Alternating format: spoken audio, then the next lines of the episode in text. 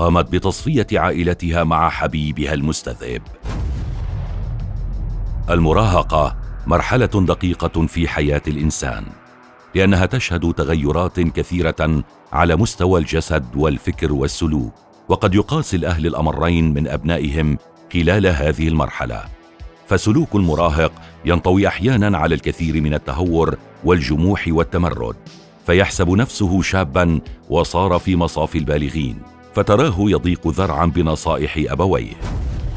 وقد تتسم ردود أفعاله تجاههما بالرعونة والطيش وهذا ما ينطبق تماما على جاسمين ريتشاردسون البالغه 12 عاما التي تحولت فجأة من طفلة لطيفة وادعة إلى فتاة متمردة مشاكسة ذات ميول سوداوية مولعة بمشاهدة أفلام الرعب ومفتونة بمصاصي الدماء والمستذئبين. حدث كل هذا بعدما تعرفت أثناء حفل موسيقي راقص على شاب يدعى جيريمي ستينك يبلغ 23 عاما ويزعم أنه مستذئب عمره 300 عام. كان مولعا بشرب الدماء ويضع قلادة حول عنقه تتدلى منها زجاجة صغيرة فيها بعض الدم. ومن هناك بدأت القصة المرعبة التي قضت بها عائلة ريتشاردسون. بالرغم من اعتراض صديقاتها على مصاحبتها لجيريمي بسبب فارق السن إلا أن جازمين انقادت له تماما وسلمته زمام قلبها البريء وعقلها الساذج. فطفق ينفث فيه من سموم أفكاره واضطراب خياله ما كان كفيلا بتحويل هذا الملاك الطاهر إلى مسخ شيطاني شرير. ومن يومها أضحت جازمين مهووسة بكل ما يمت بصلة لعالم مصاصي الدماء والمستذئبين فصارت تمضي جل وقتها في المواقع والمنتديات التي تبحث في أمور هذه الكائنات الغامضة متخفية وراء اسم الشيطان الهارب. حينما اكتشف والدا جازمين أمر علاقتها بشاب يكبرها سنا استشاطا غضبا وعاقباها ومنعاها من مقابلته مجددا. فنقمت عليهما بشدة حتى إنها بعثت برسالة إلكترونية إلى جيريمي تقول فيها سيبدأ الأمر بقتلي لهما وينتهي بي بالعيش معك. ولعل هذه العبارة الطائشة لم تكن في البداية سوى تنفيسا عن غضب وكلاما متهورا نابعا عن فتاة مراهقة ساقطة لكنه لم يلبث أن اتخذ طابعا جديا وصار يتردد بوتيرة متزايدة خلال محادثات الحبيبين سواء على الإنترنت أو خلال لقاءاتهما السريه تبلورت الأمور أكثر بعد مشاهدة جازمين وجيريمي لفيلم قتل بالفطرة الذي يدور حول حبيبين مختلين اسمهما ميكي ومالوري يشتركان معا في قتل عائلة مالوري. وكأنما كانت أحداث هذا الفيلم وسيلة الشيطان ليغوي بها هذان العاشقان المضطربان ويلقي في سرهما سبيل تنفيذ جريمتهما المروعة. فمن وحي هذا الفيلم رسما خطوط خطتهما الجهنمية بأن يأتي جيريمي ليلا إلى منزل جازمين فيطرق الباب وعندما تفتح له والدة جازمين ديبرا يعالجها بطعنة من سكينه فتسقط ارضا ويستمر بطعنها حتى تلفظ أنفاسها. وحينما يسمع الوالد مارك صراخ زوجته يهرع لنجدتها متسلحا بمفك براغي. لكن السكين ينتصر على المفك فيلقى مارك ذات المصير الذي سبقته إليه زوجته.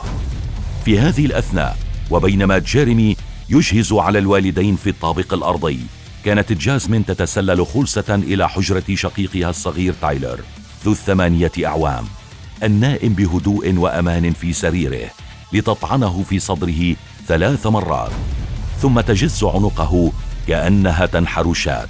لترقد بعدها إلى الطابق الأرضي وهي تكاد تطير فرحا بنجاح الخطه وترتمي بين أحضان حبيبها. ولك عزيزي المستمع أن تتخيل منظر هذان الأحمقان وهما ملطخان بالدم من أعلى رأسهما حتى أخمص قدميهما يتبادلان العناق والقبل فوق أشلاء عائلة منكوبة كل ذنبها أنها أنجبت وحشا في هيئة فتاة. ظهيرة اليوم التالي أي في الثالث والعشرين من نيسان عام 2006 أتى ابن الجيران إلى منزل ريتشاردسون ليلعب مع ابنهم الصغير تايلر. دق الباب كثيرا فلم يفتح له أحد.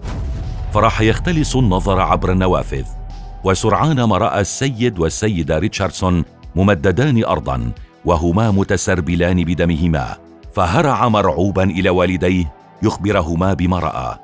وما هي إلا دقائق معدودات حتى اصطفت سيارات الشرطة أمام منزل ريتشاردسون لتنكشف أبعاد الجريمة المروعة. المحققون شرعوا بالبحث عن الإبنة المختفية جازمين وهم يخشون أن يكون القاتل قد اختطفها. لكن بسؤال صديقاتها سرعان ما بدأت الصورة تتوضح وأصبحت الشكوك تحوم حولها في أن يكون لها يد في مقتل عائلتها.